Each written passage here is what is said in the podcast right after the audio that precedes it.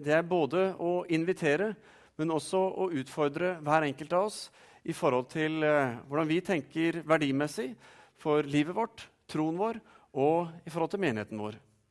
Og Vi spør hvem vil vi være, fordi vi tror det handler om eh, hvordan vi selv er med på å tilrettelegge eh, for livet vårt. Tilrettelegger vi for nåde, altså søker vi nåden som Gud snakker om, eller eh, går liksom livet litt og blir mer preget av eh, krav inn i hverdagen? Tilrettelegger vi for vekst, slik at eh, vi sørger for at vi får lov til å være i vekst og utvikling? Eller tar vi takke med en stabilitet fordi vi har ikke tid og vet ikke hvordan osv.? Tilrettelegger vi for fellesskap, eller er vi mer opptatt av eh, kanskje å, å, ta vare på oss selv og vår egen selvstendighet? Og så blir vi kanskje stående eh, litt alene til tider også? Er vi opptatt av å tilrettelegge for tjeneste? Altså det å være med og bety noe for andre? Eller syns vi det er best når andre får lov å bety noe for oss alene?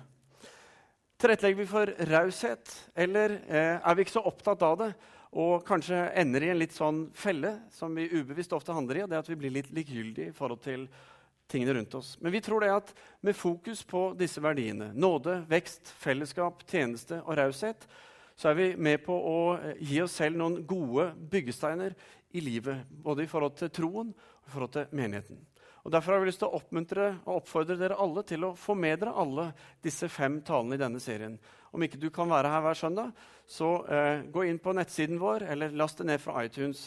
Fordi eh, de er alle veldig verdifulle, disse talene. skjønner du. Eh, det var ment å være morsomt, den siste lille der. men det var sånn. I en bygd langt inne i Sognefjorden så sitter det to bygdeoriginaler og løser verdensproblemer. Eh, og Så kommer det en bobil kjørende forbi. og Det er en franskmann som ikke vet helt hvor han skal. Så han eh, prøver seg på eh, det mest sannsynlige språket som han kan bruke, og det er på engelsk. Og Så spør han om veien videre dit han skal. Disse originalene de bare ser på han og skjønner ikke stort av hva han sier, så han prøver seg på tysk, for det kan han litt. Eh, men han får det samme litt sånn Hva handler dette om? blikket. Eh, og så tenker han fransk, da men heller ikke fransk biter på. Så han må kjøre videre uten å få noe hjelp der og da. Og da sier Ola, sier han, 'Du, Per, vi skulle kanskje lært oss språk? Et eller annet språk, du og jeg?' 'Er langt ifra', sa Ola. Så han karen som dette var her, han kunne tre språk, og det hjalp jo ingenting. I dag skal vi se nærmere på dette som har med tjeneste å gjøre. Og Tjeneste det handler om å gi noe av seg selv eh, som er til gode for andre. Og Det handler om kanskje om å sette seg inn i en situasjon hvor man må lære noe nytt, kanskje et språk, for å kunne være med og bety noe for andre. Tjeneste er noe vi ofte får bilde av gjennom andre.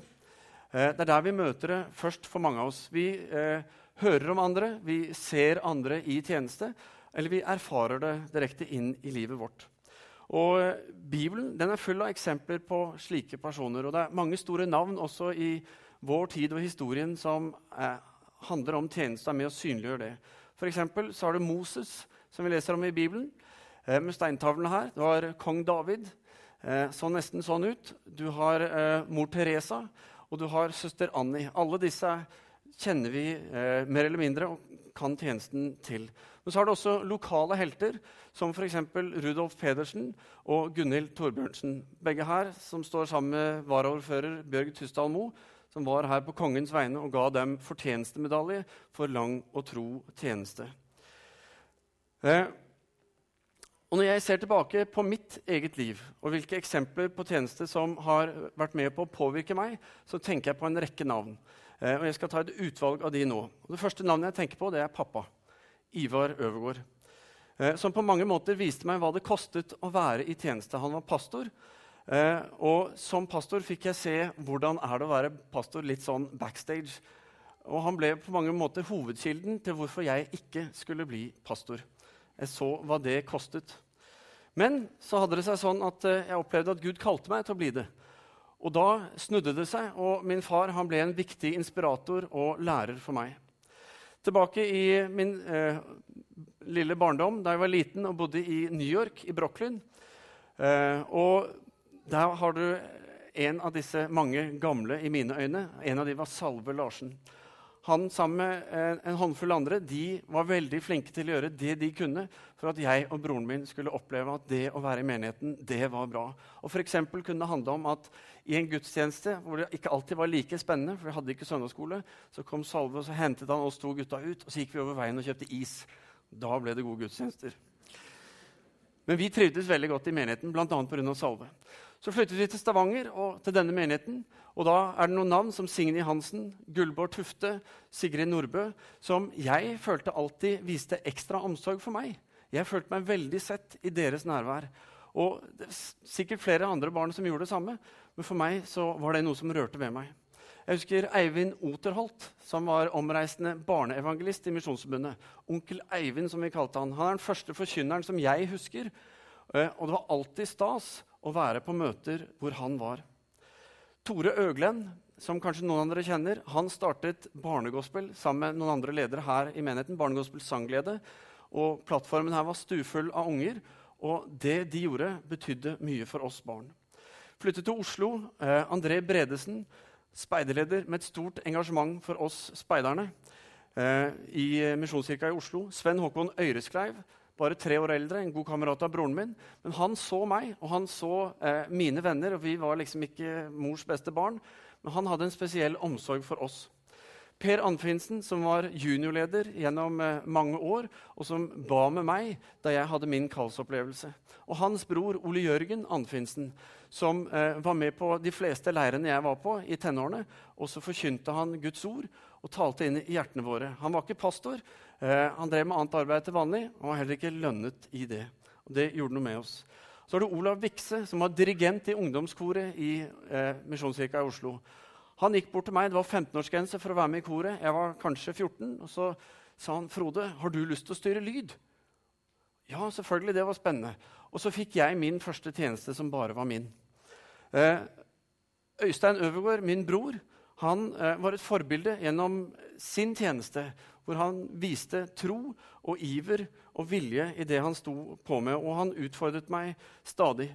Og så har du Marianne Øvergaard, min kone, min elskede kone og beste venn, som eh, ikke bare holder ut med meg i min tjeneste, men som gjennom sin tjeneste er med på å frigjøre meg til å gjøre det jeg skal gjøre i min tjeneste.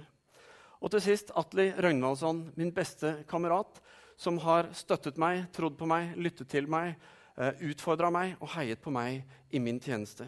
Jeg kunne klart nevnt mange flere navn, men dette er et utvalg av mennesker som har fått lov til å uh, prege meg, som har brukt av sin tid, sine krefter, for at jeg skulle få del i noe mer. At jeg skulle få del i en relasjon med Gud. En Gud som skaper, en Gud som ser, en Gud som tilgir og som frelser, som fornyer, som helbreder, og som elsker meg, og som elsker deg. Og det er noe av det mest verdifulle som jeg har fått lov til å ta med meg i mitt liv. Og jeg ville ikke vært det foruten. Men så slår det meg også, når jeg ser på alle disse navnene, at her er det mennesker ikke bare som, er, eh, som har formet meg, og som jeg er takknemlig til, men dette er også mennesker som er langt fra perfekte. Bortsett fra kona mi, da, selvfølgelig. Eh, men Gud brukte alle disse ikke sant?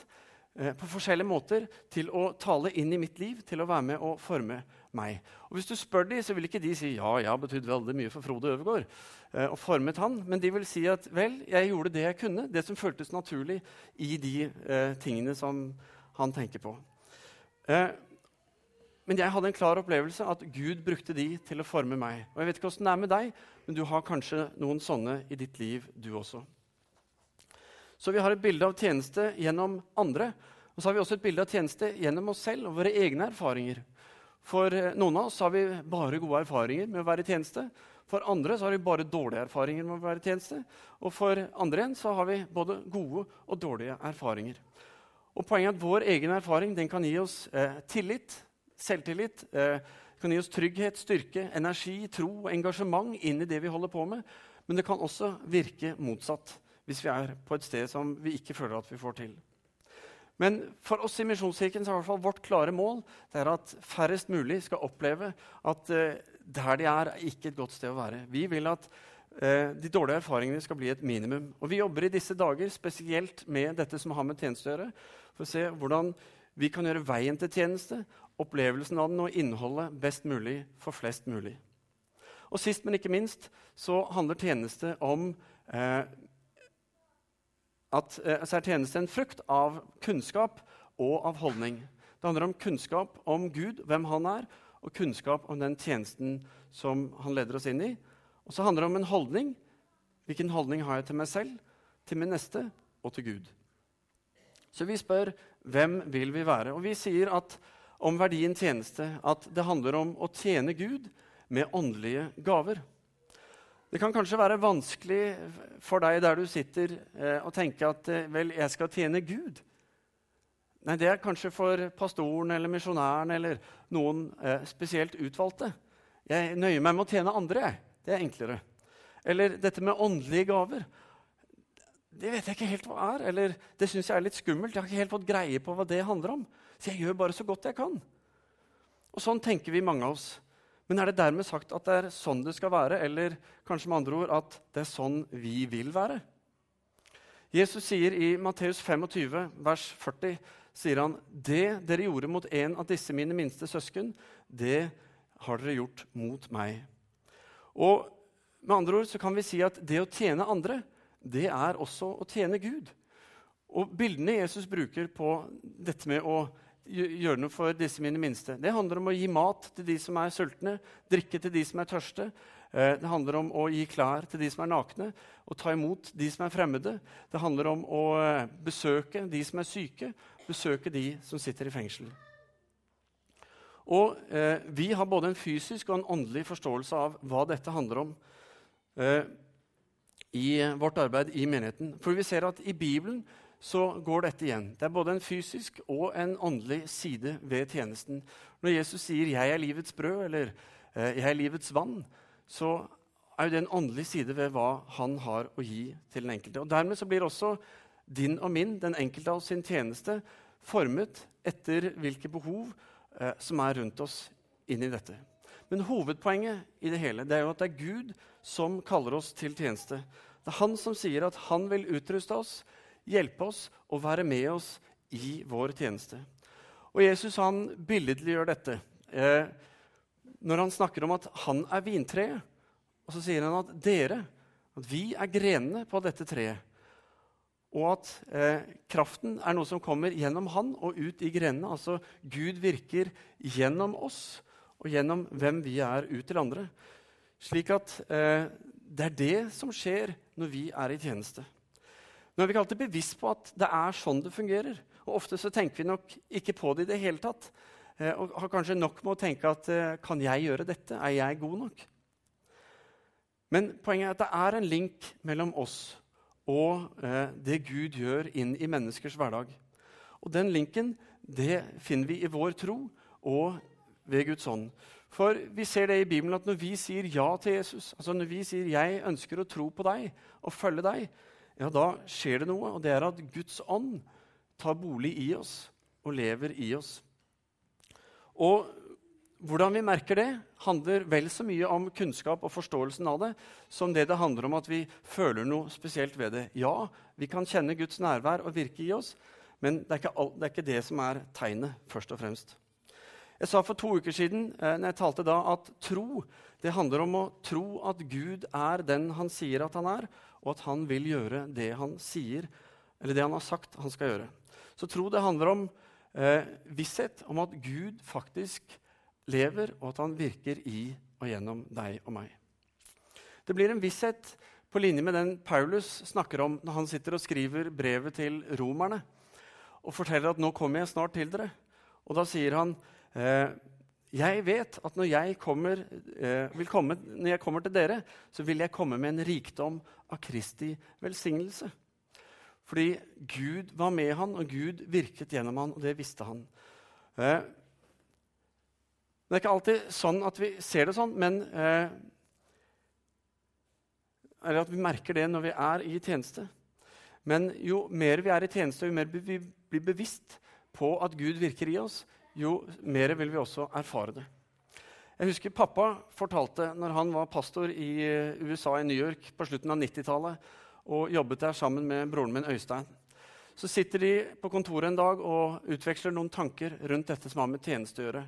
Og så eh, oppdager de at de har en ganske identisk opplevelse av den tjenesten de står i. For de skjønner ikke helt eh, hvorfor de gjør, eller hva de egentlig er en del av. De skjønner ikke hvorfor de gjør det de gjør, men samtidig så opplever de at det er dette de skal gjøre. Og det var en sånn rar følelse. Eh, og de sto i startgropen av en endringsprosess i den menigheten. Og De forsto det ikke da, men det de var med på å gjøre, var med på å tilrettelegge for de som kom etter, og som skulle stå i tjeneste etter dem i menigheten. Og eh, det, de så, det, vi kan se i ettertid nå, det er at når de reiste derfra i 2001, så samlet de i snitt 175 på gudstjenestene sine. Mens i dag så har de gått over 800 og har en ganske betydelig vekstkurve. Så Gud kan gjøre store ting i og gjennom oss, selv om ikke vi alltid merker det. Det Paulus gjør med dette bildet om vintreet, er at han eh, setter det i en ny ramme, et nytt bilde.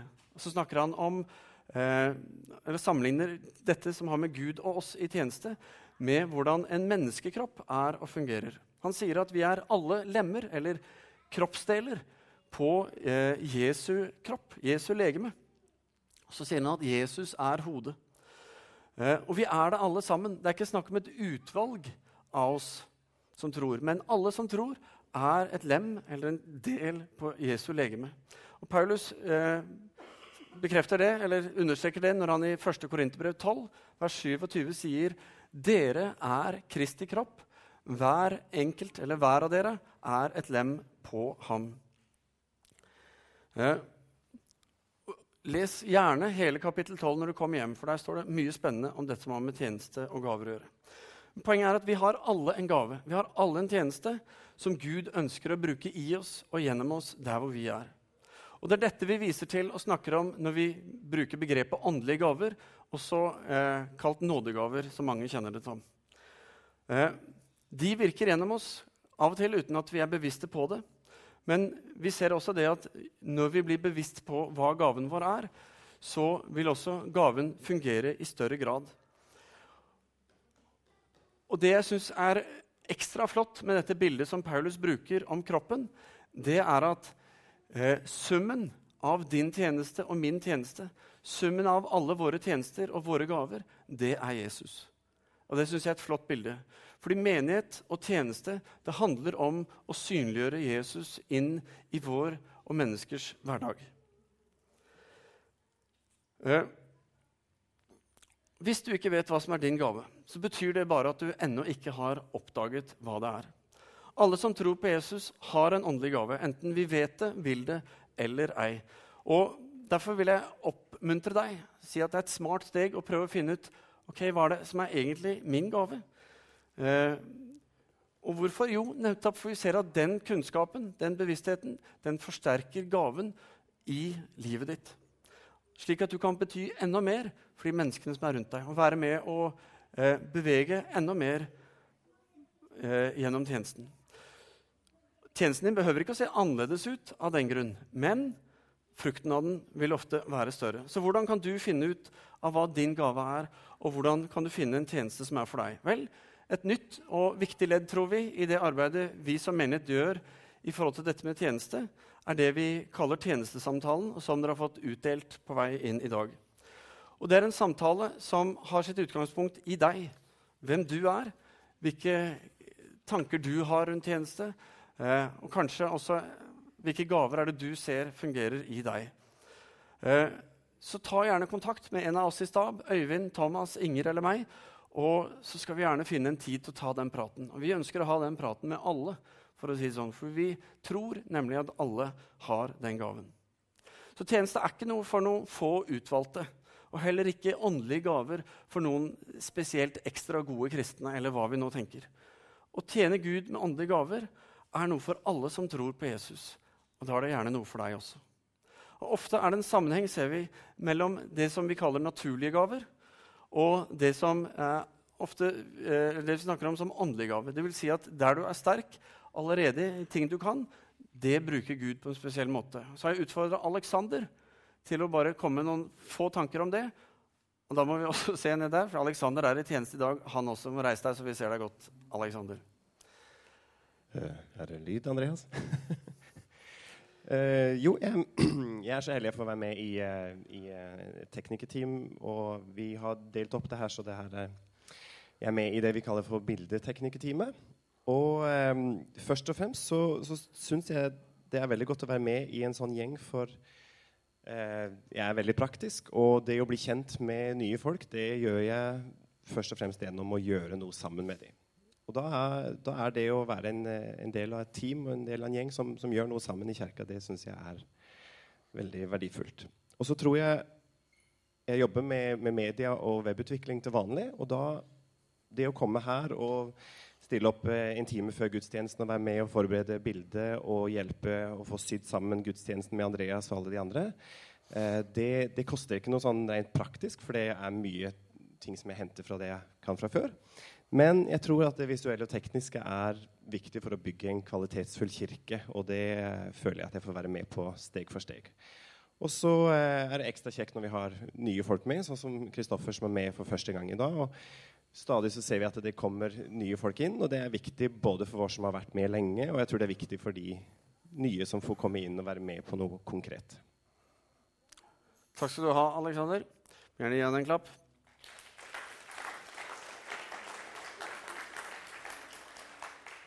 Jeg vet ikke hva slags bilde du har av tjeneste.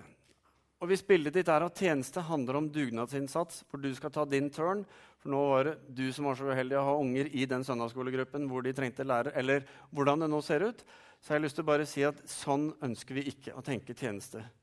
Eh, at det handler om dugnad, men vi tror at det handler om spørsmålet hvem er det vi vil være? Fordi det handler om en verdi. Det handler om eh, å bli eh, en del av det Gud har skapt oss til å være. Og jeg tror Gud har skapt oss nettopp til å være i tjeneste for Han og for hverandre. Og bruke de gavene som Han har gitt oss. Paulus sier helt avslutning her, så sier han i Efeserne 2, vers 10.: For vi er Hans verk, skapt i Kristus Jesus til gode gjerninger, som Gud på forhånd har lagt ferdig for at vi skal vandre i dem. Vår bevissthet på hvordan tjenesten fungerer, nemlig at Gud virker i oss, at Han har gitt oss én gave, eller kanskje flere, det er noe som eh, blir gjort fullkomment i, i, det at han kommer og leder oss der hvor vi er.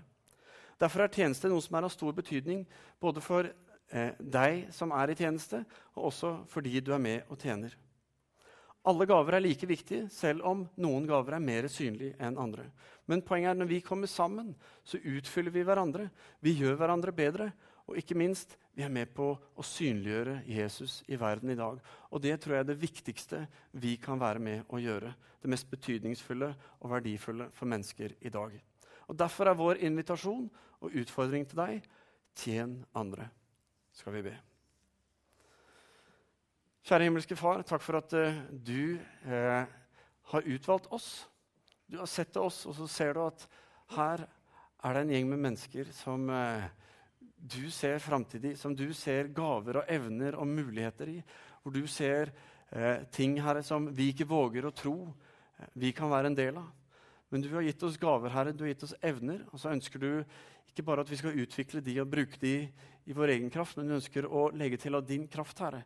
Slik at det vi gjør der hvor vi er, i vår tjeneste, så får vi lov til å bety noe som er utover oss selv, og som handler om din vilje, som handler om ditt rike som handler om eh, det du har kommet for å gi hver enkelt. Så Herre, jeg ber at du skal eh, åpne våre øyne, Herre, og gi oss et nytt syn, Herre, for hva tjeneste handler om. Slik at ikke vi eh, går på dugnad og kanskje ikke trives med det. Eller at vi eh, står i et sted som vi tenker at ja, siden du led Jesus, så må jeg også lide.